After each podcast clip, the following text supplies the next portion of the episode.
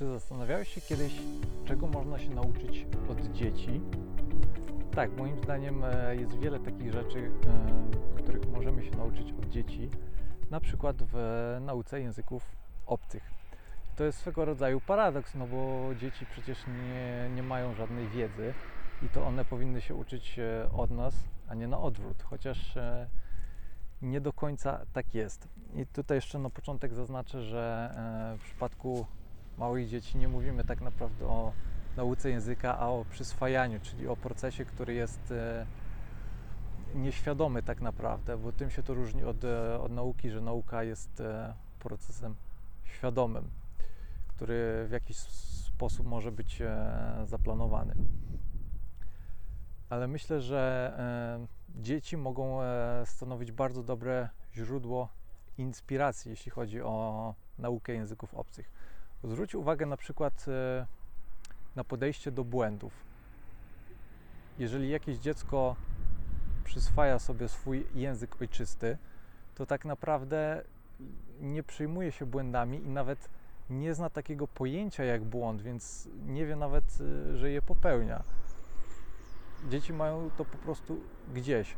Dzieci stawiają na pierwszym miejscu komunikację. One używają tego języka po to, żeby się komunikować.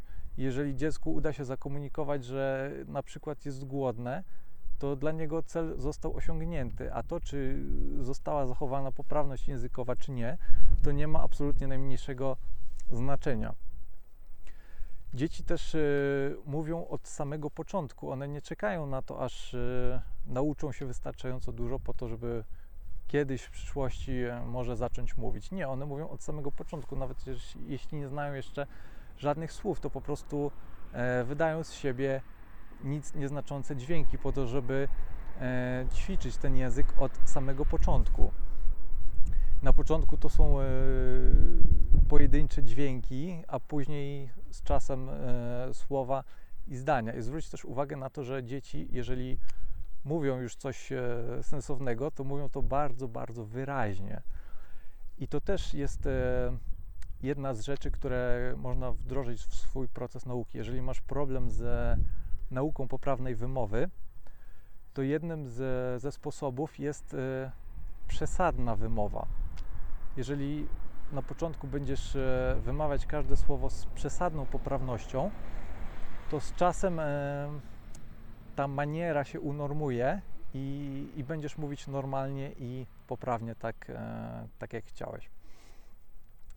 Więc e, myślę, że w jakiś sposób rozjaśniłem ten temat. E, pewnie do tej pory nie, nie zdawałeś sobie sprawy z tego, e, że dzieci, które tak naprawdę nie mają jeszcze żadnej wiedzy, mogą stanowić dla nas fajne źródło inspiracji w nauce języka.